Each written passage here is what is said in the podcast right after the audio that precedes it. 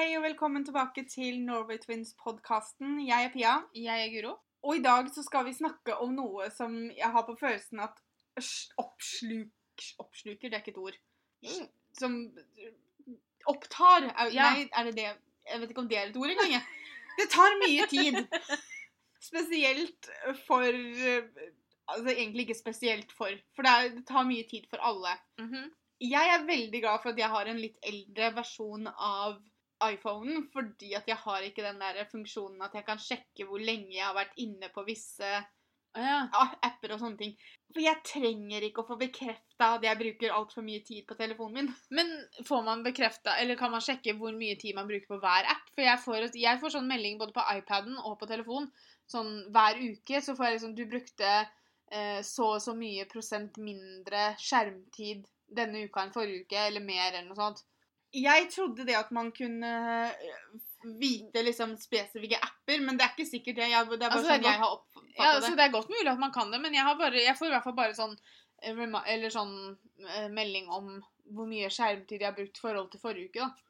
Jeg vet at jeg bruker mye tid på det. Jeg trenger ikke å få det bekrefta. Men samtidig, det hører jo litt med det vi holder på med, da. Ja, våres, liksom. Det var jo det jeg skulle fram til, men, det, men jeg bare forandra mening midt i setningen. Fordi okay. det er ikke bare spesielt for oss som Altså, mange, alle er mye på Ja. sosiale medier. Men Vi har strengt tatt ikke sagt egentlig hva det er vi snakker om heller. Nei, vi snakker om sosiale medier. Vi har jo en hobby som er sosiale medier. Mhm. Eh, YouTube, Instagram er vel egentlig hovedfokuset vårt, i hvert fall. Ja, og det er mye positivt, men det er jo også selvfølgelig no- noen negative sider med det, som alt annet. Men vi var også veldig spente på hvilke sosiale medier dere likte best, eller brukte mest. Mm. Så vi la ut eh, et eh, bilde på Instagram, som vi alltid gjør når vi spør om meningene til folk. Så la vi ut på stories og spurte dere hvilke sosiale medier dere likte best. Eller bruker mest. Bruker mest. Og jeg skal si det at jeg ble litt overraska over resultatet.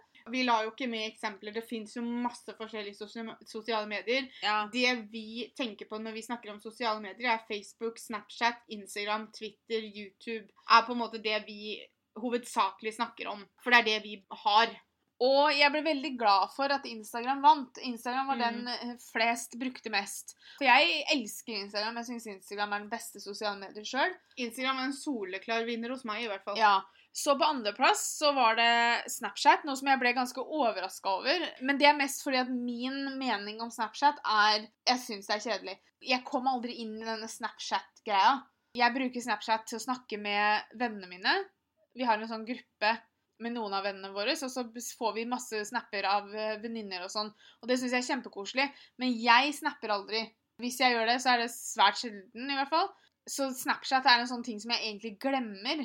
Den eneste grunnen til at jeg ikke har sletta Snapchat-appen, er fordi, som du sa, at vi har sånn felles uh, chattegreier med venner, og jeg får snapper av venninnene mine som jeg har lyst til å få med meg av ungene, og Ja.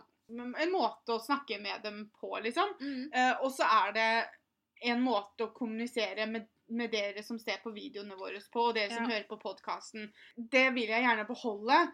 Jeg kan ikke svare på alt, for det er Nei. jeg som styrer på, uh, Snapchatten til YouTuben vår.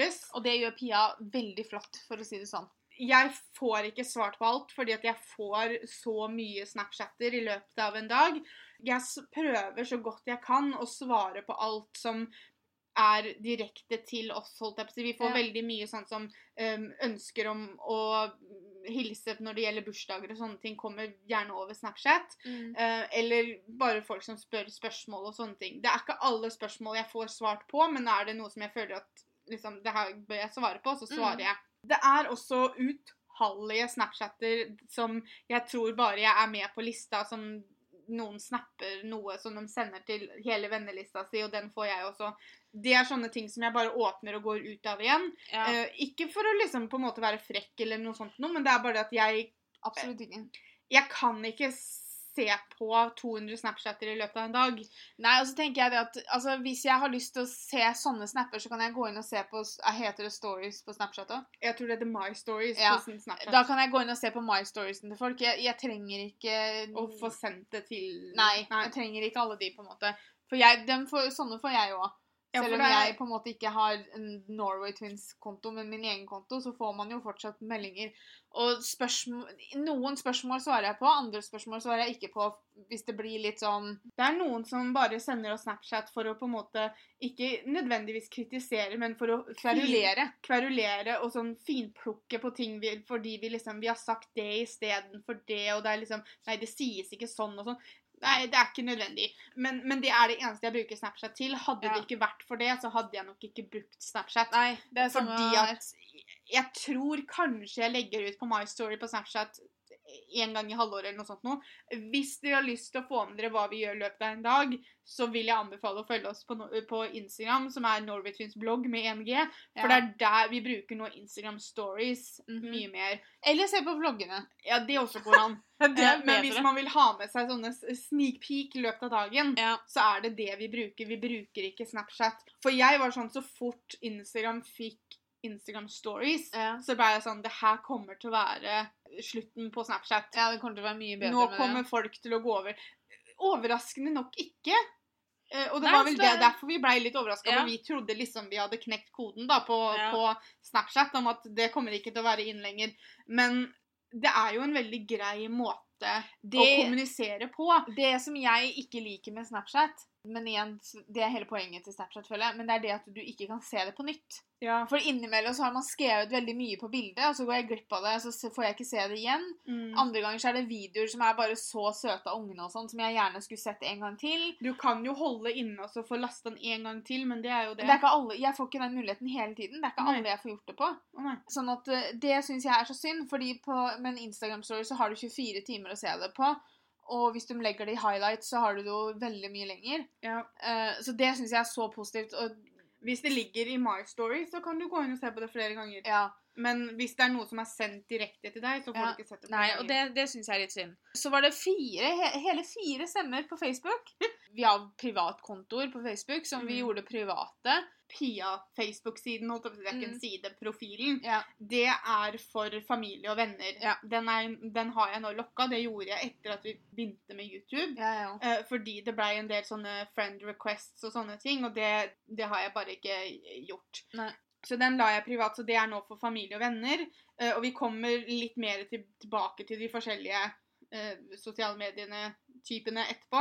Vi hadde ingen stemme på Twitter, da. Twitter er litt glemt, føler jeg. Altså, Jeg og Pia vi legger ut overraskende mye på Twitter, men det er bare fordi at vi har sy- synka opp Instagrammen vår til Twitter. Så hver gang vi legger ut et bilde på Instagram, så legger det seg også ut på Twitter. Det å skrive en tweet, som det så fint heter, og tweetre litt det har jeg, jeg prøver innimellom, så kommer jeg på det, og så går jeg inn og så skriver jeg sånn God morgen. Men det er liksom det. Jeg tror det at hvis, du hadde, hvis vi hadde bodd i Amerika og spurt samme spørsmål, så tror jeg Twitter hadde Ja.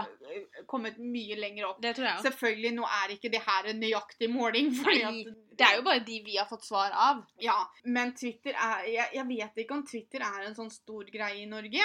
Nei, jeg vet ikke om det tok av noen gang. sånn sett. Nei. Digger å gå inn og følge med på live-tweetering når skuespillere sitter og live-tweeter episoder av seriene de spiller i, eller ser på, for den saks skyld. Mm. Sånt elsker jeg å sitte og se på. Og det er veldig veldig ofte som jeg har lyst til å gjøre Som jeg kunne tenke meg å sitte og live-tweete en episode av en serie jeg liker. Ja. Men så får jeg meg aldri til å gjøre det, for at jeg blir sånn Hvorfor i alle dager skal jeg gjøre det? Ja, Det var morsomt live-twitter i Grand Prix en gang. Men så blir jeg heller sånn Da hadde jeg heller gjort det på Instagram Stories. Ikke sant? Da var vi tilbake dit, da. Jeg puster og lever på Instagram. Det var også en som hadde fortalt oss at uh, denne personen sin favorittsosiale medier var Tinder. Jeg vet ikke, Går Tinder som en sosial medie? Altså For meg så er Tinder er en datingapp. Og hvis Tinder er sosial, går under sosiale medier, så da må jo Møteplassen gjøre det samme. For den også har jo en app, sånn sett. Ja, jeg, jeg skulle være sånn fin og flink podcaster, da, vet du. Å ja. Så jeg gikk inn på det norske leksikonet, og så skulle jeg slå opp definisjonen av eh, sosiale medier, i håp om at kanskje det ga oss klarere bilde. Ja. Sosiale medier er nettsider og apper som tilrettelegger for å skape og dele innhold, og å delta i sosiale nettverk. Jeg vil ikke si at Tinder er det.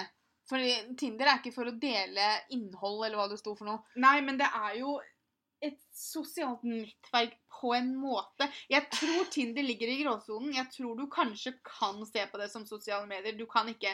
Jeg personlig gjør ikke det. Ikke jeg heller. Så jeg vet ikke, Det ligger litt sånn i gråsonen. Jeg klarer ikke helt å skjønne om vi kan legge det i kategorien eller ikke.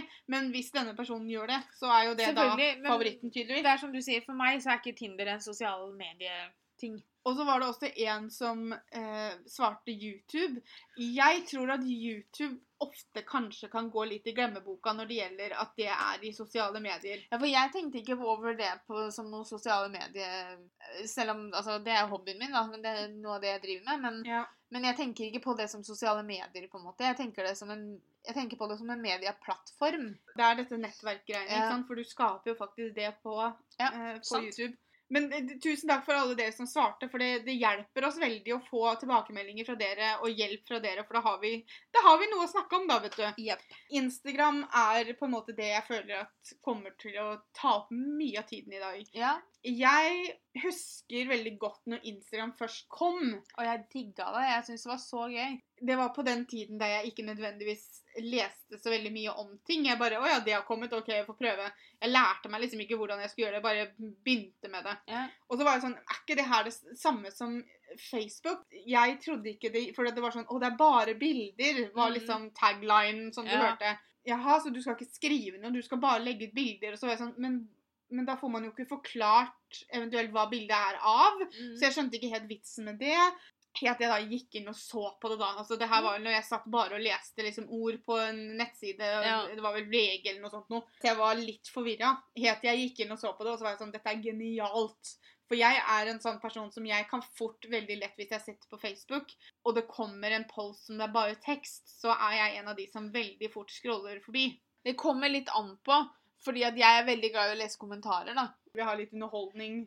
Ikke nødvendigvis underholdning, men jeg, liker, altså jeg er veldig glad i det å gå inn og lese kommentarer. Og hvis jeg ser folk som går i streken, så rapporterer jeg dem fortere enn Ja. Jeg er litt sånn nettpoliti innimellom. Mm. Jeg har rapportert kommentarer før, men det er ikke det at jeg nødvendigvis går inn og leter etter dem. Hvis dere kommer fra YouTube eller Instagram eller hvor den Hvis dere har vært med øh, på noe av det jeg og Guro har gjort tidligere, så vet dere det at jeg og Guro er, er veldig hardt ut mot nettmobbing. Og nå er det ikke alle slags kommentarer så fort det er liksom litt kritisk, så er ikke det nettmobbing, men vi er veldig imot det å slenge dritt til hverandre på nettet. Det er ikke det at jeg har tatt på meg noen sånn rolle som liksom sånn at jeg skal gå gjennom alle kommentarene og luke ut de jeg syns er fæle, og rapportere dem. Men hvis jeg ser liksom For det er disse som på en måte helt tydelig blir veldig fordomsfulle eller bare rett og slett jævlige, Ja. så rapporterer jeg det. Instagram går jo da gjennom, og så tar og så vurderer om de skal stenge kontoen eller ikke. Altså det, og det er det her som på en måte er den negative siden med sosiale medier. Mm. er jo det at du kan, hvem som helst kan lage seg en profil som de kan bruke til å spy ut alt mulig crap til personer. Det er liksom ikke noe grense på hva man kan si, fordi man skjuler seg bak dette brukernavnet og har ikke bilder av seg selv på siden og bruker ikke navnet sitt, fordi det er en Altså Det er mange sikkert der ute som sitter og lager seg profiler bare for å ha profiler som de kan spy ut masse dritt med. Det er altfor lett å være anonym på nettet. Ja. Og vi spurte jo på Instagram hva folk syns var negativt med sosiale medier. Og veldig, veldig mange svarte dette med netthat, netthetsing, nakenbilder, kroppspress. Jeg husker ikke helt hvem det var, men det var jo i mediene så var det jo en sånn debattgreie, for det var noen som mente det at når man oppretta en profil for å kommentere steder, så burde man bruke nettbanken sin.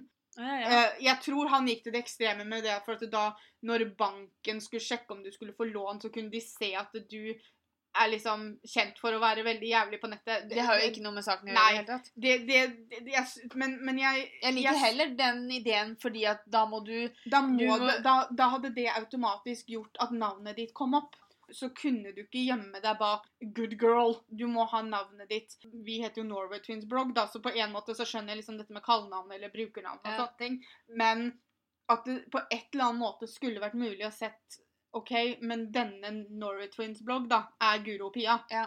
Det skulle ikke vært så lett å gjemme seg bak et profilnavn uten profilbilde eller sånne ting, fordi at det åpner en dør for veldig mange. Det er som Guro sier, at det er ikke liksom bare Det er ikke den eneste kontoen folk har. ikke sant? Folk Mm. lager seg fem-seks forskjellige profiler, og så fort én blir blokkert, så lager de seg en ny en, og så setter de i gang igjen.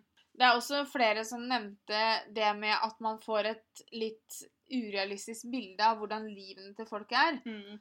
At noen har lett for å tenke at noen ikke gjør annet enn det som kommer ut på sosiale medier. Jeg liker den. Og, og det er litt sånn fordi det binder seg inn i hva vi driver med. Mm. Vi vlogger jo hver dag, som er vår videodagbok på YouTube, som vi legger ut. Ok, nå er du ikke våken 24 timer, men si at du er våken 12 timer av et døgn, da. Ja. Jeg er som regel våken i 18, men det er et annet poeng. Det er ingen som sover tolv timer om natta. Nei, men si at, si at det er 12 timer det er snakk om, da. Ja. Våre vlogger varierer veldig i lengden. Innimellom så kan de være så små, eller så korte som fem minutter, eller de kan være oppimot en halvtime. Det kommer litt an på hva vi gjør i løpet av en dag. Mhm. Når begge to jobber, så er det litt vanskelig. Vi får ikke vlogga på jobb, så det, da går det noen timer. Hvis vi bare sitter her hjemme og ser på en serie, så er det litt sånn vanskelig å vlogge. Og det er ikke det som er poenget mitt, men poenget mitt er det at det er veldig, veldig mange som har det med å henge seg opp i at de ti minuttene de ser fra vår Mm. dag, må være alt vi gjør. Ja. Jeg er våken mye mer enn ti minutter i løpet av en Mm. dag. Og det er det vi veldig ofte får disse ikke, det, det er ikke nettmobbing, men disse kommentarene om at Ja. liksom Veldig ofte så går det på mat, hva vi spiser. Om det, vi spiser for mye, vi spiser for dårlig, vi spiser for lite. vi spiser... Spising er et stort tema. Eller vi gjør ikke nok av det, eller vi gjør for lite sånn, eller bla, bla, bla. Men det de baserer det på, Er er de 10-15 minuttene de har sett av dagen vår. Mm. Og så glemmer de de 11 og et halv timene ellers uh, som, er, som jeg er våken. Og det er jo det samme på Instagram, f.eks. Ja. At disse flotte bildene som mange legger ut på Instagram-profilen sin, er veldig ofte oppstilt hvis det er av mennesker. Eller gjort Stagea. Staging er et fint ord. Altså, jeg tar meg jo sjøl i å gjøre det innimellom, jeg òg. mm, For det er sånn eh, Hvis jeg f.eks. har lagd meg havregrøt til frokost, da, ja. så liker jeg veldig godt å legge ut det på YouTube. For, eh, på, YouTube på, på Instagram, for jeg syns Å, den, i dag ble havregrøten litt fin. mm, Hvis man kan tenke sånn. Og så tenker jeg det har jeg lyst til å ha ut på Instagram. Kan fint bare ta et bilde av den eh, grøten og så legge det ut. Men så tenker jeg å nei, nei, å, åssen bakgrunn har jeg? Plutselig Mm. så har, Og så ligger det en skje tilfeldigvis fint ved siden av der. ikke sant? Og så Mm. kanskje noe av bananen som jeg har brukt. ikke sant? Altså Det er så veldig mye sånn som jeg står og tenker på, ikke sant? og så tar jeg et bilde av det. Det er Mm. ikke det mest glamorøse bildet, på en måte, men det er sånn det foregår, da.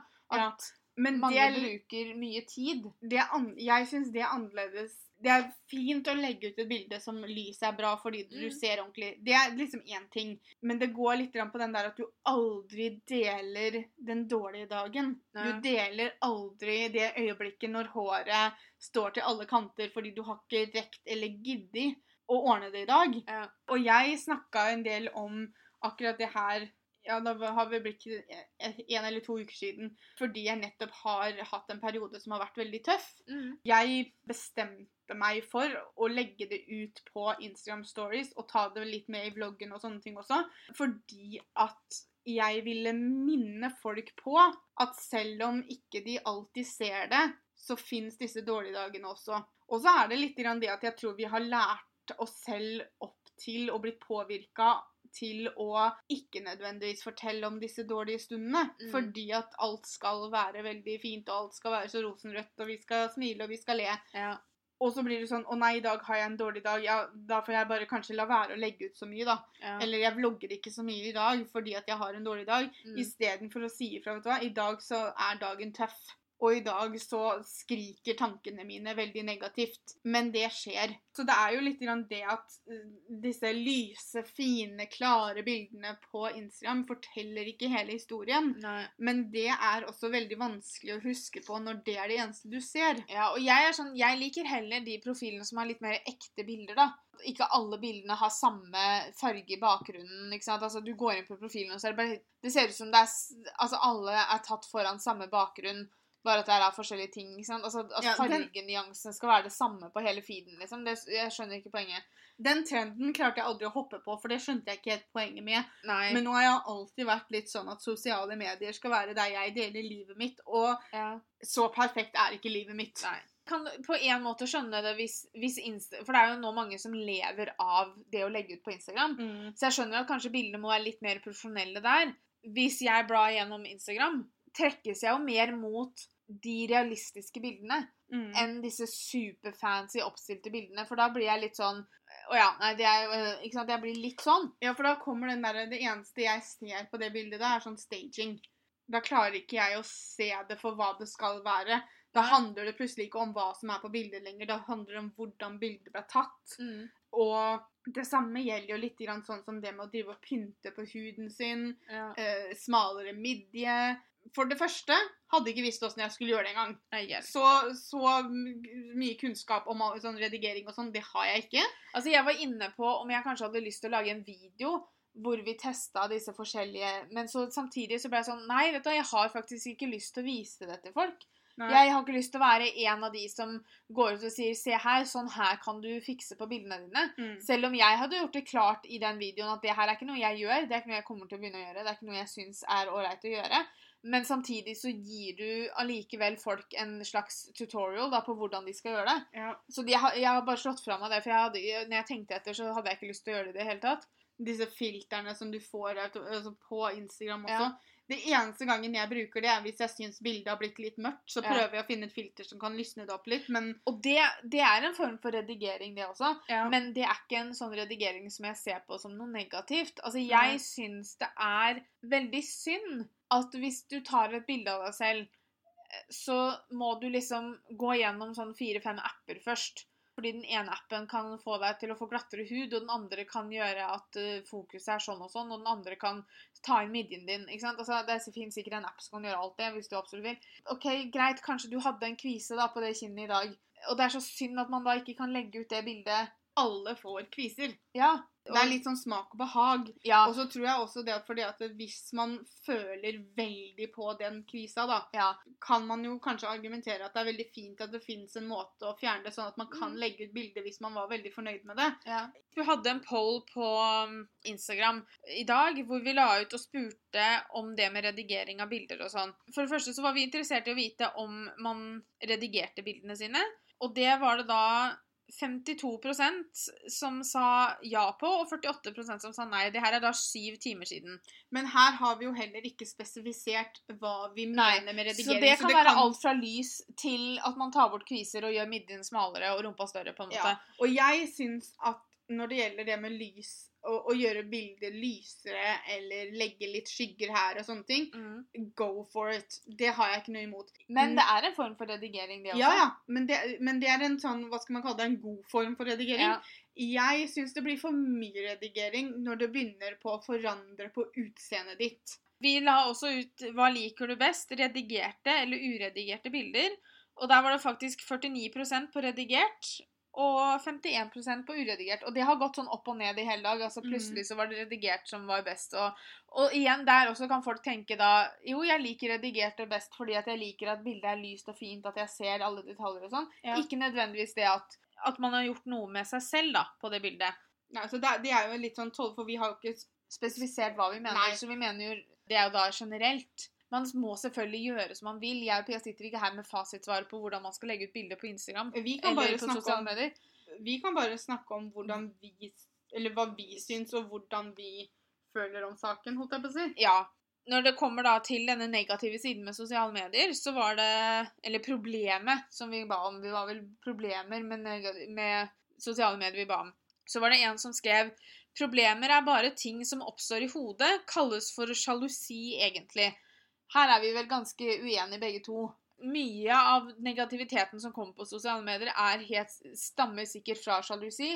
Jeg At hvis tror de som ser- legger igjen kommentarene, er sjalu på eh, et eller annet Ja, altså som er du, på bildet. hvis du legger igjen en negativ kommentar på en som har lagt ut at han er på reise, da, mm. eh, så kanskje du tenker åh, jeg skulle også vært på reise, men jeg må jobbe, ikke sant? Mm. Og så legger du igjen et eller annet piss. ja. Eh, så ja, det er sjalusi, men å si at problemer bare er noe som oppstår i hodet, det føler jeg blir litt feil. For når det gjelder sånn som med kroppspress og sånne ting, da, Mm. og kroppspress har vi hatt en egen podkast om, så vi skal Mm. ikke ta på for det som et veldig stort tema i dag, selv om det er et av de største problemene med sosiale medier, spør du meg. Men det er ikke nødvendigvis bare bildene du ser som er kroppspress, og det er ikke sjalusi. Det går på det å ikke skape et urealistisk, perfekt bilde av kroppen og hvordan kroppen skal se ut. Mm.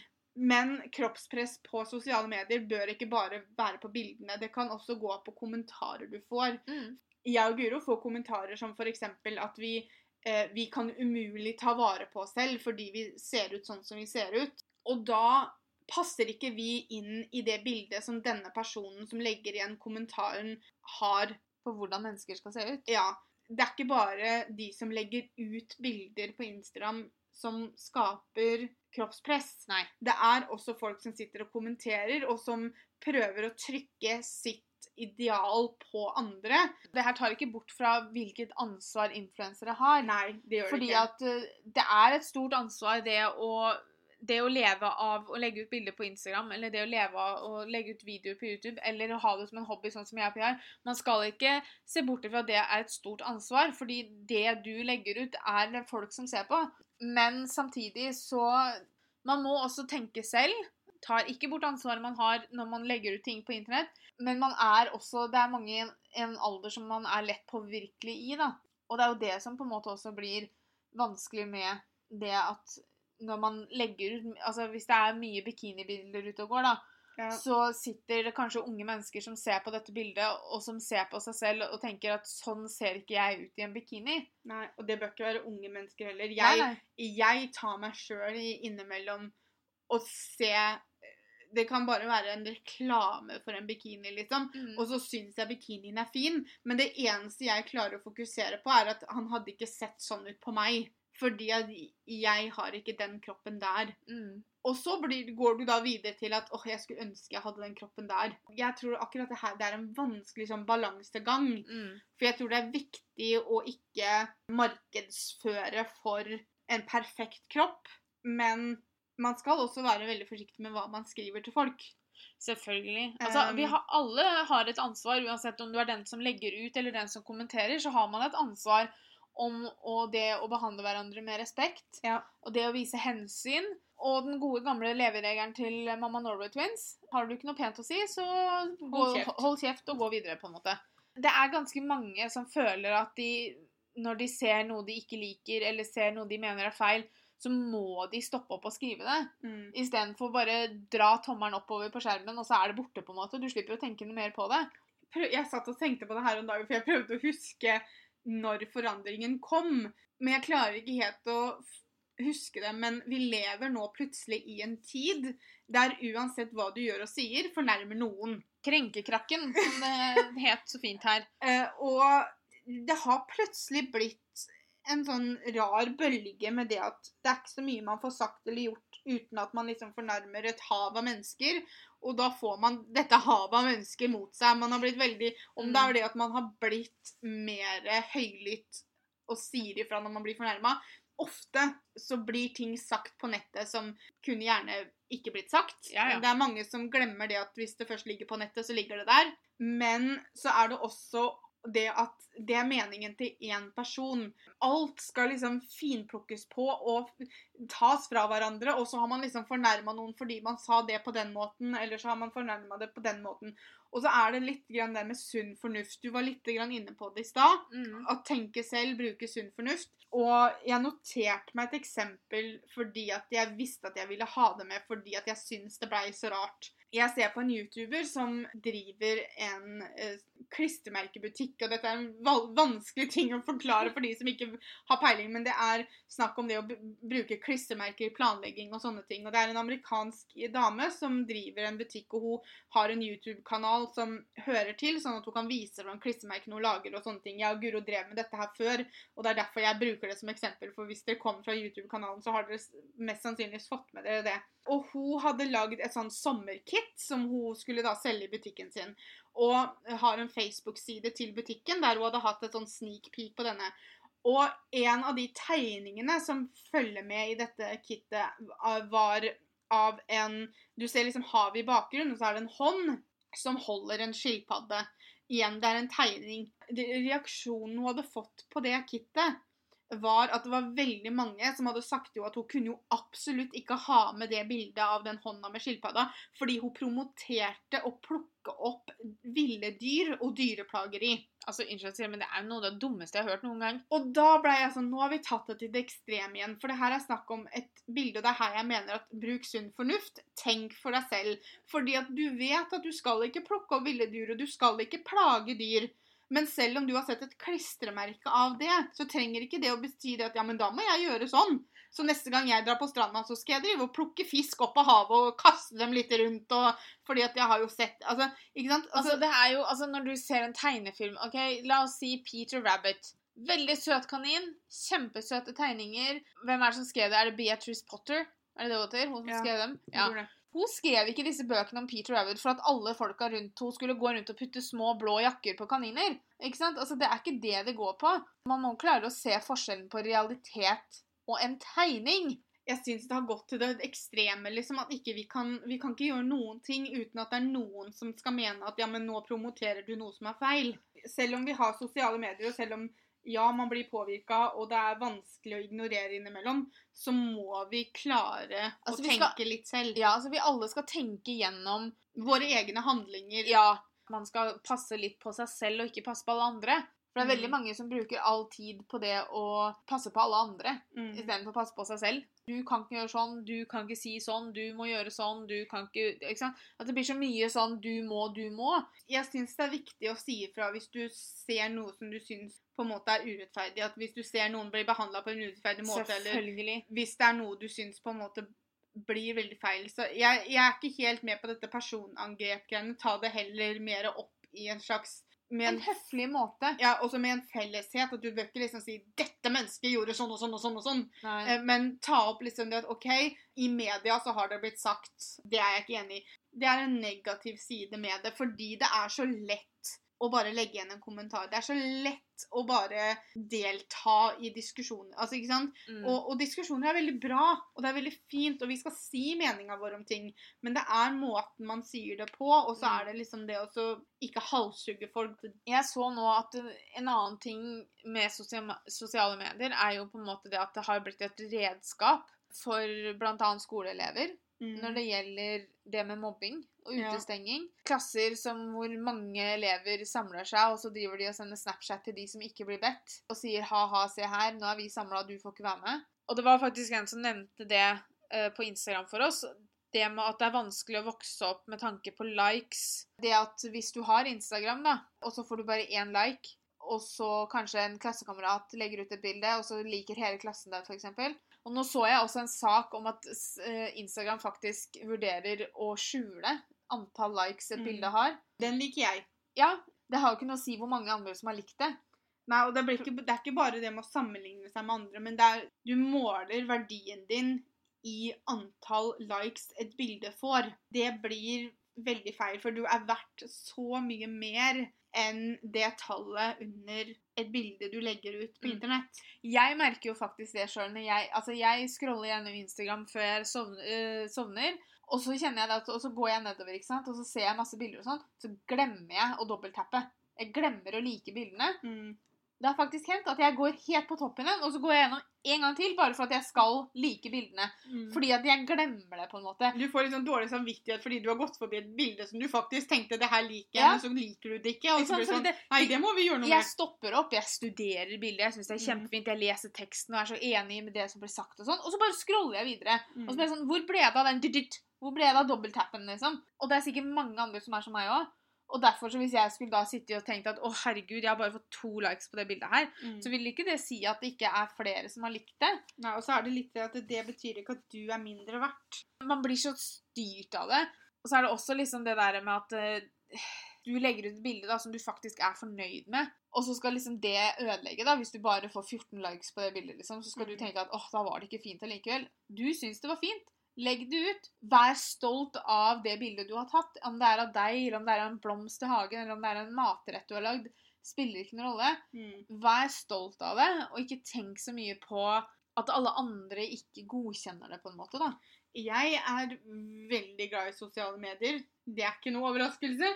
Men jeg er også veldig, veldig glad for at jeg vokste opp før det blei en stor ting. Jeg er veldig glad for at ikke vi hadde dette når vi var ungdommer. Det hadde bare vært mer eh, komplisert enn noe annet. Ja. Men nå har vi jo snakka veldig mye om det negative med sosiale medier. Og det er jo absolutt positive sider også. Det gir folk en plattform å si meningene sine. Nå vet jeg at vi har snakka om det med å si meninger som en veldig sånn negativ ting, og det, altså, det er det ikke. det. Men det er måten man sier det på, og så er det det at man må akseptere at andre har andre meninger. Mm. Men man skal likevel ikke akseptere hva som helst i måten det blir sagt på. Nei. Sosiale medier gir folk en plattform si meningene sine på, men det gir også folk en plattform å være kreative på. Mm. Og det er veldig viktig. Jeg er veldig for det å være kreativ. Ja. På, det, det, må ikke bare være på sosiale medier, det kan være i form av hva som helst. Men bare det å få lov til å bruke fantasien sin, kreativiteten sin, lære nye ting. Det er en så fantastisk fin og flott greie. Og noe annet som vi fikk veldig mange forslag av på Instagram, eh, var jo det at det er en fin måte å holde kontakt med folk på. Ja. Spesielt etter videregående så opplever du veldig ofte det at uh, venner blir spredt rundt omkring fordi de begynner på forskjellige høyskoler, forskjellige jobber eh, rundt omkring, Mm. til og med uh, noen ganger i utlandet. Og det gir oss en måte å holde kontakten på uten at man må liksom sende en melding eller ringe. Ja. Jeg har aldri vært noe glad i å snakke i telefon. Ikke er det. Så jeg er mer sånn at jeg tar helst og sender en melding, eller da Snapchat, eller Messenger på Facebook, eller hva det nå måtte være. Mm. Og det går jo litt tilbake til det vi sa innledningsvis også, at min Facebook er jo for venner og familie. Jeg skal innrømme at innimellom så går jeg gjennom vennelista mi på Facebook, og så luker jeg ut litt. Ja. Og, og det er ikke nødvendigvis meg som liksom sånn Nei, deg gidder jeg ikke å være venn med. Men jeg har også innsett det at når Facebook først kom, så tror jeg det var en sånn greie om å gjøre å ha flest friends på eh, Facebook, liksom. Ja. Eh, så hadde du møtt personen en gang, så bare legg til deg på Facebook.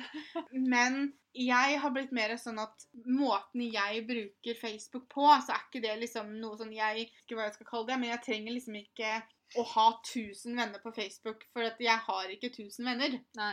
Jeg syns det er en grei måte å holde kontakt med familie, med venner som jeg har gått på høyskolen sammen med, f.eks., og sånne Mm. ting. Men jeg har også eh, sletta noen venner, for jeg føler det at hvis du ikke sier hei til meg når du treffer meg på gata, Ja. så trenger jeg heller ikke å være venner med deg på Facebook. Nei, det er helt sant. Det er sånn som jeg tenker. Det er ikke sikkert alle tenker sånn, Nei. men for meg, av jeg nå har satt min til privat, og jeg har liksom tenkt at det her skal være et sted der jeg holder kontakten med folk, Mm. kan du ikke hilse på meg, så trenger du ikke å være venner med meg på Facebook heller. Nei. For jeg er et nysgjerrig menneske. Jeg liker å vite hva som skjer med folk. Jeg liker å vite Ja. hvordan det går med folk. Der er jo Facebook ypperlig. Sosiale medier er fint for den nysgjerrige sjelen. Ja, altså jeg er ikke flink til å legge ut ting på min egen Facebook-profil. Det er sånn Innimellom så tenker jeg oh, nå må jeg kanskje dele noe, og så deler jeg et eller annet. Og så det dukker jo opp i minnene mine. ikke sant? Sånn, Fra når jeg først fikk Facebook i 2009, Mm. så var det sånn Jeg er trøtt. Ja. Og så bare sånn uh -huh. Da var det jo det var Er sånn man, sulten. Og så bare sånn Ja, men Jesus, skriv nå ikke det der. Gå og ta deg en brødskive, liksom. Ja, for det var jo sånn man brukte Facebook i førsten. Ja. Jeg Og- føler at man brukte Facebook i førsten litt sånn som kanskje man bruker Twitter i dag. Ja. Eller Insta-stories, liksom. Sånn derre Mm. 'Å, nå er jeg sulten, jeg har ikke spist på flere timer.' En sånn ikke kjapp, kort oppdatering. Ja. Men nå så er det mer litt sånn dele litt sånn større ting, da. Ja, jeg, jeg legger ut liksom, kan legge ut litt bilder og sånn på Facebook innimellom, men jeg bruker det veldig sjelden. Som regel så bare ser jeg hva andre legger ut. Ja. Her, her kommer en liten sånn advarsel. Som en liten sånn obs, obs. For jeg kan bli fanga inn i det jeg kaller Facebook-videoenes verden. Ja. Og den er farlig, og den stjeler nattesøvn. Du bare skal sjekke Facebook kjapt før du legger deg. liksom. Er det noen som har lagt ut noe spennende? Er det noen som har delt noe? Og så følger man jo Jeg følger en del sånne komikersider og sånne ting. Mm. Så har de lagt ut en video og sånn Nei, men jeg må jo gå inn og se på den, da, for den kan jo hende er litt morsom. Og så trykker jeg på den. Og når du ser på én video på Facebook da, så får du et hav av videoer under. Når den ene videoen er ferdig, så går det bare videre til neste. Ja. Og det er ikke alle som har samme tema. Blant annet sånne der militærhjemkomster og sånn. Og før jeg vet ordet av det, så skulle bare en kjapp tur inn på Facebook for å sjekke om noen hadde lagt ut noe spennende, blitt en sånn derre hulkefest i senga. Fordi at jeg ligger og ser på militærfolk som driver og overrasker kjærestene sine eller barna sine, eller hva det måtte være. Og det legger seg ganske mange videoer under Mm. hverandre. Og hvis du blir liggende og skal se på alle, så tar det i hvert fall et par timer. Ja, altså jeg ligger sånn, og så hender det at jeg går inn på det jeg òg, og så ligger jeg det jeg har lagt meg, og da ligger jo Petter som regel og sover ved siden av meg. Og så er det sånn, Disse komikerne de er jo så morsomme, så det er innimellom så jeg må liksom snu huet ned i puta. For at jeg begynner å le. ikke sant? Og det hender Mm. at jeg må bare slå av. For at jeg bare sånn, jeg kan ikke ligge og få latterkrampe i senga her, for at da vekker jeg Petter. Akkurat den der videogreia der er farlig, altså. Men den er veldig morsom, da. Og det Veldig er jo morsom. det er en veldig positiv side, selv om man ser den i nattsøvnen. Ja da. Det er bare, bare ikke, ikke gjør det rett før du skal legge deg. Flere av dere sa også når vi spurte om de positive sidene ved, eh, ved sosiale medier, så var det flere av dere som sa det med inspirasjon. Mm. Og det skal jeg være så enig i, for i det siste så har jeg blitt veldig sånn opp, Ikke opptatt av, men jeg har blitt veldig inspirert og interessert i det med interiør.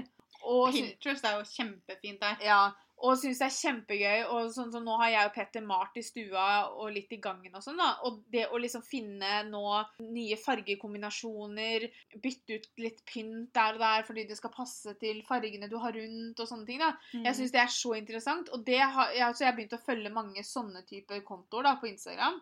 Men man kan finne inspirasjon i hva som helst. Altså, Jeg blir også veldig inspirert av de jeg ser som legger ut uh, bilder av at de er på trening. Eller mat. Mat, inspirasjon. Til eh, frokoster og lunsjer og sånne ting. Ja, og da tenker jeg ikke nødvendigvis på det at jeg tenker at å, den spiste sånn og sånn, da må jeg spise sånn også. Mm. Men det er at jeg får ideer til hva jeg kan lage i løpet av uka, eller hva jeg har lyst til å prøve. ja, og jeg er så veldig fæl på det å sette meg fast i ett mønster med liksom at Mm. spise samme frokosten og samme lunsjen. og Ja. liksom, Hadde det ikke vært for at vi filmer matlagingsvideoer, så er jeg litt redd for at jeg hadde spist de samme tre tinga til middag hver dag. liksom, Ja. og Bare bytta på. Og det er jo en ting som YouTube, Instagram, Pinterest har vært veldig inspirerende for meg med. da. Jeg likte veldig godt den her, og det var det at, det at man finner andre som har samme interesser som seg selv. Og da kanskje til og med litt, de litt rare interessene som hun skriver. For eksempel hvis jeg hadde vært kjempeglad i det å sykle på sånn enhjulssykkel, da. Mm. Jeg husker bare, Det er ikke det det heter, tror jeg, men ok. Og så hadde jeg tenkt at det er ingen i venneflokken min som kan det. Og så hadde han kanskje søkt opp det på Facebook, eller jeg hadde søkt opp det på Instagram. Og så hadde jeg kanskje kommet da inn i et miljø som det var mange andre som drev med det òg. Et, et fellesskap hvor man kan snakke om ting og Vi oppdaga jo det når vi litt sånn som vi snakka om i stad, med det at vi drev og planla og så brukte klistremerker til det. Det er jo et eget miljø på sosiale medier. Jeg og Guro har fått vennskap gjennom YouTube. Vi har truffet folk som i dag er venner av oss, mm. som vi aldri hadde truffet fordi hvis ikke vi hadde hatt YouTuben eller Instagram eller hva det nå måtte være. Det betyr så mye for meg fordi at disse menneskene betyr mye for meg. Ja. Og da på en måte ha fått muligheten til å faktisk treffe dem, er veldig veldig stort. Du har jo også det at Nå er ikke det noe jeg og Guro driver med, men sånn som cosplay, for eksempel, ja. er jo massivt på Instagram og Det hadde vært så gøy å prøve en gang. Jeg syns det virker så gøy. Vi har jo blitt invitert Til Kristina. Vi kjenner jo en som er veldig, veldig flink, og som er en stor del av cosplay-miljøet. Mm. Eh, og som har vunnet priser, og hun er kjempeflink. Hun heter Hun har hun skrevet bok òg? Det er jeg ikke sikker på, men hvis hun har det, så har jeg lyst på den boka. Jeg mener at hun kanskje har gjort det. Men hun har i hvert fall invitert oss fordi hun lurte på om vi hadde lyst til å komme og se på verkstedet hennes. Mm. Og kanskje lage en video og sånn. Og jeg bare jeg, Ja takk. Eh, men så er det det å finne en, en tid som passer og sånn, da. Så det har tatt litt tid. Men ja, kanskje ta kontakt igjen og så høre med henne. For det, Ja. det hadde faktisk vært veldig gøy. fordi at jeg driver ikke med det sjøl, men jeg tror det at det er fort noe jeg gøy. kunne ha drevet med. ja. Fordi at jeg lever meg jo så inn i ting. Når jeg Mhm. blir fan av det, så er det liksom sånn Å, jeg skulle ønske jeg skulle leve der. Altså, ja. hvor mange ganger har ikke jeg liksom ønska at jeg hadde gått på Hogwarts? Og cosplay gir deg jo en sånn liten mulighet til å leve Men i den verden på- en liten øyeblikk. På en måte så har vi drevet litt med cosplay, fordi at vi har jo hatt eh, Jeg har jo kledd meg ut som Hermine. Vi har jo hatt Disney-kostymer hvor vi har vært Snøhvit og sånn. Men det er jo mer halloween-kostymer. Jo, men det er en liten del av det. Selvfølgelig, det er ikke på samme måte Cosplay som er mye mer alvorlig enn Jo, et halloween-kostyme. Jo da, men vi, er, vi har jo vært innom, i hvert fall. Ja, ja, Eh, det har så, vi jo. Men nei, altså, og det er en sånn super ting, syns jeg. Ja, jeg, altså, vi følger jo flere sånne cosplay-kontoer, for jeg synes, Mm. for det første så blir jeg så imponert og så glad når jeg ser noen som faktisk legger så mye inn i hobbyen sin. Det er mange som også har det som jobb, Mm. og hvor kul jobb hadde ikke det vært. Men jeg elsker bare å ligge og se på bilder fordi at de får det til så sykt bra. Ja, jeg blir veldig imponert. Mm. Jeg vil også rette på noe vi snakka om tidligere, hvor vi sa det at det var en som hadde nevnt Tinder som eh, et sosiale medier som hun likte best. Mm. Det var det at hun hadde nevnt det som en negativ ting med sosiale medier. Ja, ok. Eh, så jeg hadde bare misforstått litt. Ja. Så det, det vil jeg bare rette opp i nå. At Tinder var ikke nevnt som favoritt-sosiale medier-tingen. Det var altså noen, en negativ side. En annen veldig negativ side med sosiale medier, som vi ikke skal snakke så veldig mye om, er jo Jodel. At det er en ting som fins, det skjønner ikke jeg, men det får nå så være. Snakk om å liksom bare lage en mobbeplattform, da. Ja. Tingen er Det var jo en god idé, men det det har blitt, er jo ikke en god idé. Altså, Legg ned hele greia, spør du meg. Og så er det en som sier noe Noe av det har vi vært innom før, men det er det at det kan skape fellesskap og bidra til å gjøre det enklere å være åpen om ting. F.eks. det med depresjon, det med angst, det med mobbing. De vanskelige tinga man kan møte i hverdagen. da. Mm. Hvis man ser folk på sosiale medier snakker om det, Ja. så ser man også at OK, det er ikke bare jeg som har det sånn. Og man ser at de forteller om det, og da kanskje man tenker at Å, vet du hva, jeg vil også fortelle til noen hvordan jeg har det. Og kanskje det er det at man legger igjen en kommentar på den eh, posten hvor personen har snakka om det. Kanskje de kan hjelpe og veilede videre. Eller det kan være det at vet du hva, nå skal jeg ta tak i det, og så snakker jeg med noen jeg stoler på. Det er, åpenhet er jo så viktig når det gjelder sånne ting som angst, depresjon og sånn. For det er sånne ting som man må få hjelp til. Mm. Og man må ikke skamme seg over det. Man kan ikke tenke at Det er veldig mange som sitter med en veldig ensom følelse da, når det gjelder sånne ting. Nå, skal jeg, nå skal jeg høres veldig men, men jeg er et bra eksempel på det. Ja. Litt sånn Hei, hvor det går. Klapp meg selv på skulderen. Jeg har hatt angst siden jeg var ganske liten, egentlig. Det som er, er at jeg har ikke visst hva angst er, fordi ingen prata om det. Mm. Hvorfor jeg vet at jeg har hatt det siden jeg var liten, er fordi at når jeg har lært meg hva angst er, så har jeg kjent igjen perioder og episoder fra livet mitt som har vært sånn Å ja, men nå er det her mer logisk. Jeg har lest i gamle dagbøker der jeg til og med har endt på legevakta, der legen på legevakta har sagt til meg at du har hatt angstavfall, og jeg har skrevet det i dagboka mi, men jeg har ikke peiling på hva det betyr. Han kunne like så godt ha snakka gresk. Men jeg bare har tenkt ja, OK, det er diagnosen min, greit, jeg skriver det ned. Men jeg har ikke Mm. visst hva det var, og jeg har ikke tenkt på å spørre.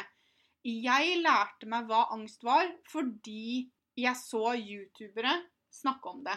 Og så kjente jeg meg igjen, for jeg sitter og ser på videoer der folk forklarer, og så blir jeg sånn Ja, men det er jo meg. Ja, men sånn har jo jeg det. Mm. Ja, men sånn skjer med meg. Og så begynte jeg å lese om det selv, fordi at jeg ble sånn Oi, kanskje dette er noe som er verdt å undersøke.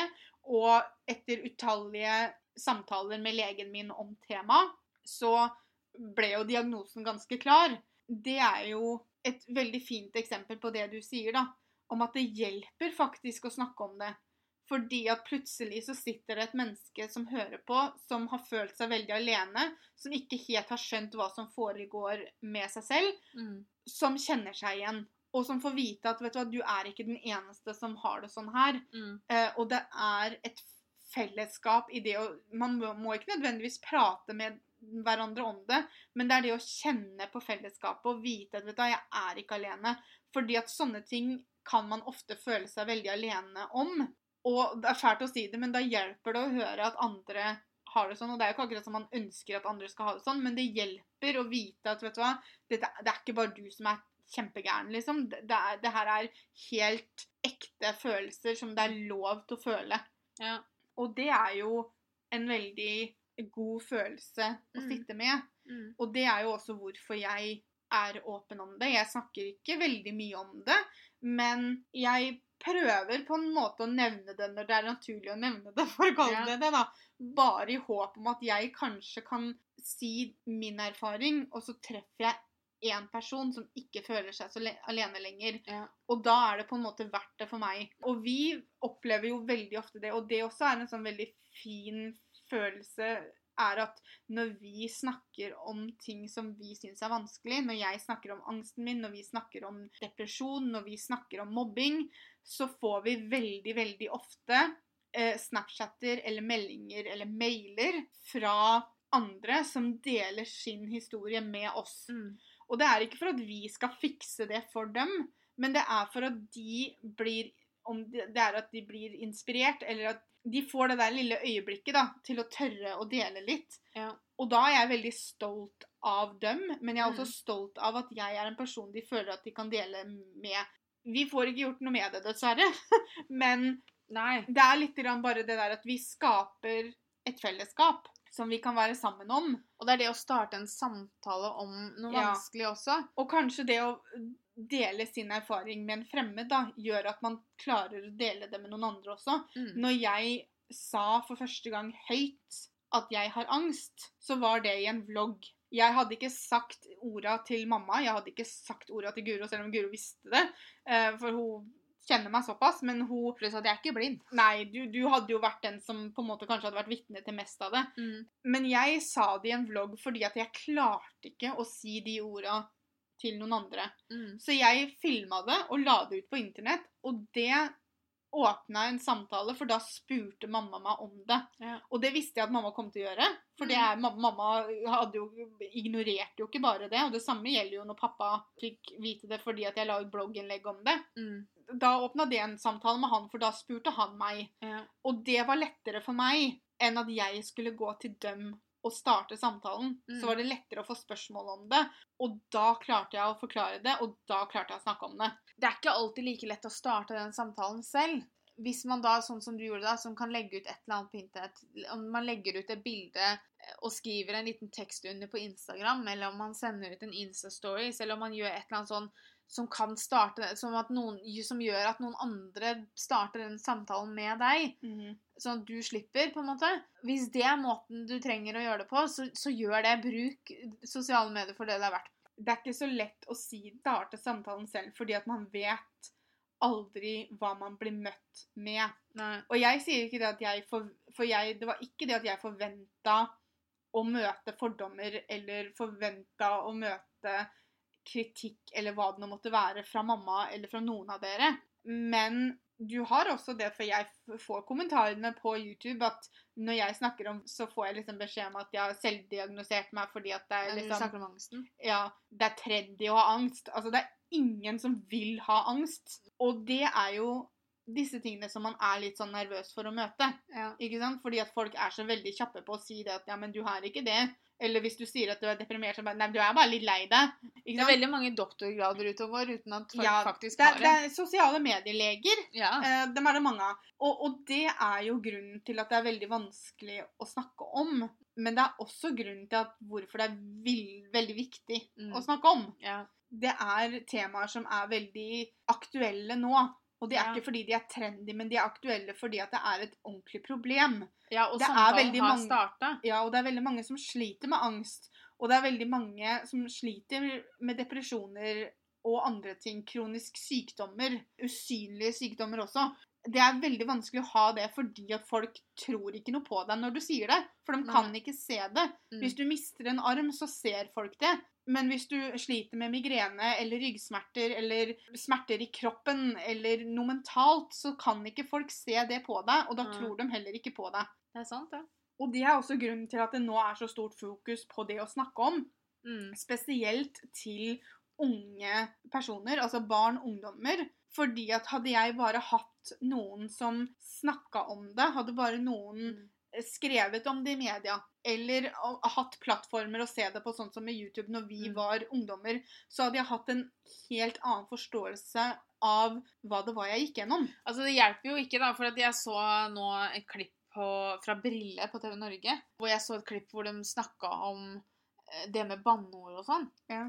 Det hjelper jo ikke nå at angst har jo blitt et slags sånn Jeg får helt angst av sånn og sånn, ikke sant? Og så Ja. er det sånne småting. Og så bruker man da angst, som faktisk er en diagnose, om en helt dagligdags ting. Til og med kreft har blitt et slags banneord nå. Hæ? Ja, De tok opp eksempelet sånn Og jeg får helt kreft av at jeg må være hjemme klokka åtte. Og sånn, OK. Har det blitt sånn slangord, liksom? Det, altså, ja. De har tatt en så alvorlig sykdom, en så alvorlig ting, og gjort det inn i et dagligdags språk fordi at de, som, som forklarer hvor teit ting er. Men altså, det er jo bare helt idiotisk, da. Så hadde jeg hørt noen si det, så hadde jeg sagt sorry, men sånn sier man ikke. Fordi Nei, altså- Tenk på alle de som faktisk går gjennom den kampen der, og så Ja. skal de høre det ordet som blir slengt rundt som en sånn tulleting. Det er jo ikke noe beskrivende i det hele tatt. Altså, nei Mamma, Ja. er det mulig, da? Eller så har du det da med dette programmet som Gisle hadde, som het Jævla homo. fordi homo hadde blitt et ord som ble brukt i en negativ forstand. Gjerne da også yngre, ikke sant? Altså, Ja. Ikke vær så homo. Sånn, Ja. altså, hva- Det altså, sa jo folk når vi var eh, Ja, unge. men åssen setning er det, liksom? Jeg syns det er så viktig det Gisle gjorde da med Å det ta ordet tilbake. ta ordet tilbake. Jeg, har, jeg kjøpte meg jo eh, genseren fra Mhm. det showet. Så jeg har en sånn grå collegegenser som jeg er kjempeglad i, som du står da 'jævla homo' på. Jeg har lyst til å gå med den hele tiden. Samtidig så vet jeg også hva det kan se ut som.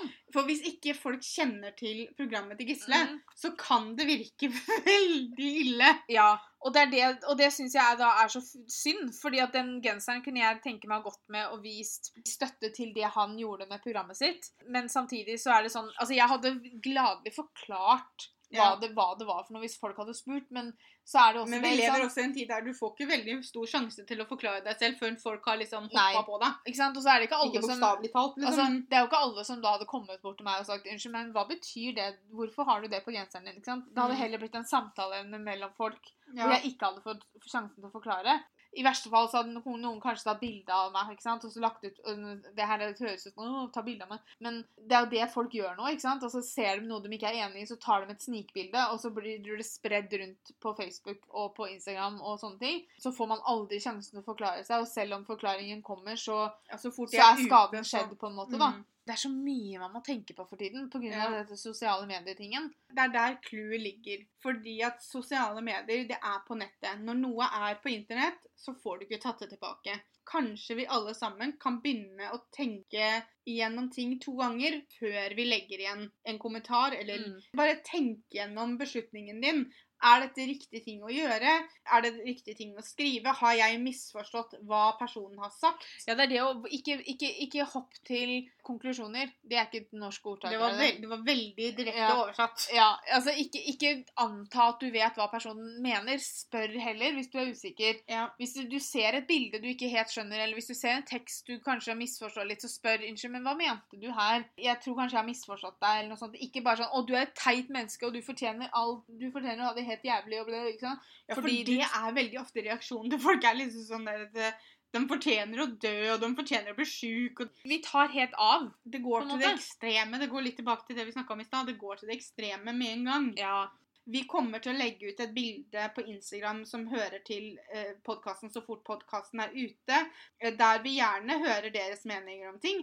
En annen ting som jeg har litt lyst til å høre meningene deres om sånn helt på slutten, er det å bruke sosiale medier til hevn. Det å spre nakenbilder, f.eks., det er en helt annen ting. Det er veldig mange som bruker det som hevn på ekskjærester og sånne ting. Det Det er gjør bare ikke. motbydelig, og det bør anmeldes med en gang. Jeg tenker mer på sånn Jeg kom på problemstillingen fordi at jeg så en sak fra kjendisverden i USA, der det er en skuespiller som tydeligvis har vært utro mot kona si med en skuespiller han jobber sammen med. Og det kona gjør, er at hun legger ut en statement på Instagram om at de skal skilles, at hun har søkt om skilsmisse, og forklarer situasjonen. Og har til og med tagga begge menneskene det gjelder. Vær så god, så og så, du kan få han liksom når dere ikke klarer å la være å eh, hoppe i senga sammen, og det er liksom ikke måte på. Og jeg leste den saken, og så var jeg sånn OK, jeg kan skjønne hvor denne kona kommer fra. For det, Altså, Såra kan- mennesker gjør mye rart uten Ja. å tenke seg om kanskje først. ikke sant? Altså, Du tenker ikke rasjonelt. Nei. Men det her er en sånn klassisk situasjon som jeg forestiller meg at kanskje når ting har roa seg At man vil angre litt på. Mm. Men det kommer alltid til å være der ute. Hva syns man om å bruke sosiale medier som hevn på den måten? Ikke nakenbilder og sånne ting. Det er nei, nei. Og jeg vet ikke helt om jeg er enig med måten hun gjorde det på her heller, selv om jeg kan skjønne hvor hun kommer fra, for det må være forferdelig. Altså, Nå er det vel kanskje bare meg, men jeg er litt sånn Altså, hevn i seg selv, jeg syns det er litt sånn Det, det er ikke en bra ting. Hevn er ikke et positivt ord. Istedenfor å ta hevn, hev deg over det som har skjedd. Vær Mm. den modne personen som tenker OK, nå, jeg er i en teit situasjon, det her er ikke bra, men allikevel la meg nå liksom puste. To pust inn og to pust ut, liksom. Og så roer jeg meg ned, og så Jeg er litt redd for at den personen som kommer dårligst ut av det, er hun. Ja. Fordi at folk ser liksom bare sånn Å ja, hun velger å gjøre dette på denne måten, Mm. liksom. Dette er en privatsak. Hvorfor legger hun det ut på internett? Jeg hadde vel kanskje den tanken, jeg også, liksom sånn at Men jeg tenkte mer sånn Det her hadde ikke jeg gjort, Nei. tror jeg. Jeg kan jo ikke si det med 100% sikkerhet, men jeg Igjen, når man er såra, og hvis man har det liker å vondt, tro at jeg kanskje ikke hadde gjort det. Men det er jo én måte å bruke sosiale medier. For å avslutte dette temaet For meg så er sosiale medier en veldig positiv ting. Mm. Jeg storkoser meg. Selvfølgelig det er negative sider, men det er negative sider ved stort sett alt i livet. Og jeg er en person som heller ser på det positive enn det negative. Og jeg storkoser meg med sosiale medier. Jeg elsker å se hva andre legger ut. Jeg elsker å se Lese alt- folks tanker. Det er jo tross alt hobbyen vår, da. Så, Ja. så hvis ikke vi hadde kost oss med det, så hadde vi jo funnet en annen hobby. Ja, og jeg elsker også det å kunne dele med dere. Det å dele mine tanker og meninger om ting. Det å dele glimt av hverdagen med dere. Jeg syns det er veldig spennende. Og sosiale medier også er jo en ting som utvikler seg hele tiden. Det Mm. kommer jo hele tiden en ny app, eller så kommer det en ny funksjon innen de appene vi allerede har. Instagram Stories, jeg elsker det jo. Når jeg skjønte at nå var jeg litt over Snapchat og sånne ting, det var faktisk før Instagram Stories kom. Men jeg var liksom sånn, hvis, ikke, hvis bare Instagram Stories kunne kombinert dette her, Ja. liksom at, eller Instagram, hvis de kunne kombinert seg med Snapchat med den måten at du fikk den funksjonen litt Mm. av sånn som eh, Snapchat hadde. Og vips! Det var ikke det at det var min idé, men så kom jo det til slutt. Fordi at man utvikler seg hele tiden. Man kan også kalle det litt herming, spør du meg, da. Men, Litt. men nå har vi liksom alt det gode i én app. Men det kommer jo helt sikkert noe Altså, mer etter hvert. jeg savner veldig den der swipe up-funksjonen. Fordi den må Ja. jo ha et visst antall følgere for å kunne få. Instagram kan forbedre seg på visse ting. Jeg syns alle kan få swipe up. Antageligvis så er det en funksjon de har lagt til for folk som jobber Ja, og da, da må man ha en viss antall mengde følgere, og det skjønner jeg. Men og jeg er jo- savner den. Jeg vil ha sånn. Ja, for det er jo ikke, det er jo ikke jobben vår, men vi Nei, nei. snakker jo veldig ofte om videoer, f.eks. på Instagram. Mm. Det hadde vært så greit å kunne legge inn en direktelink til videoen. Ja. Vi snakker ofte om eh, produkter vi liker. Det hadde vært veldig greit å kunne legge inn en link direkte Ja. til produkter vi har lyst til, som vi snakker om. Blogginnlegg. Selv om vi har ikke så mange følgere, men det hadde vært veldig kjekt for oss også. Ja, og en annen ting at når vi var sist og besøkte pappa i Malmö, så hadde vi, på grunn av vi var i Sverige, så hadde vi også den musikkfunksjonen på Instagram. Den og jeg som- var så glad, for jeg trodde bare det at Instagram nå hadde liksom åpna det for alle. For som regel når du ser på amerikanske eller engelske youtubere, så får du bare opp det lille merket på du. Det er bare en helt stille film, og så står Ja. det bare 'er ikke tilgjengelig i din region'. Og jeg bare sånn Å, yes! De har Mm. åpna det for alle! Og så kom vi hjem fra, fra Sverige igjen, så bare sånn Nope! Tilbake til at det var ikke tilgjengelig. Jeg bare Nei. Nei, det var bare når vi var i Sverige. Så Norge, kom igjen. Jeg tror ikke det er Norge sin oppgave. Det må være Instagram som må åpne for det i Instagram Norge. Kom igjen. Jeg vil ha sånn funksjon. Det er jo flere ting man kan utvikle seg på, men jeg ser ikke for meg at jeg kommer til å bli lei Instagram. Jeg vil også ha sånn smell-o-vision. Sånn at jeg kan dele lukter og sånn. Ja, altså, det er på en måte det neste nå. Ja. Altså, jeg ser ikke hvor Insta-smells. Man kan jo snakke uendelig om sånne temaer som det her, så det Ja. kan jo Det kommer helt sikkert å dukke opp i andre podkaster også. Og vi hopper jo ganske mye fram og tilbake og elsker å sitte og prate eh, om ting sånn som det her på podkasten. Det her er så utrolig gøy. Og jeg vil bare minne om det at hvis dere har lyst til å høre mer om våre tanker rundt kroppspress, så ligger det en egen Mhm. episode om det der vi tar for oss det med kroppspress på sosiale medier. Og det var derfor vi ikke snakka så mye om det i dag. Det var ikke det at vi bare feide over det emnet fordi vi ikke mente at det var verdt å snakke om, for vi har en egen podkast om det. Så tusen takk for at dere har tilbrakt litt av dagen deres sammen med oss. Vi setter så utrolig stor pris på det. Vi håper dere får en kjempefin dag videre, og så snakkes vi.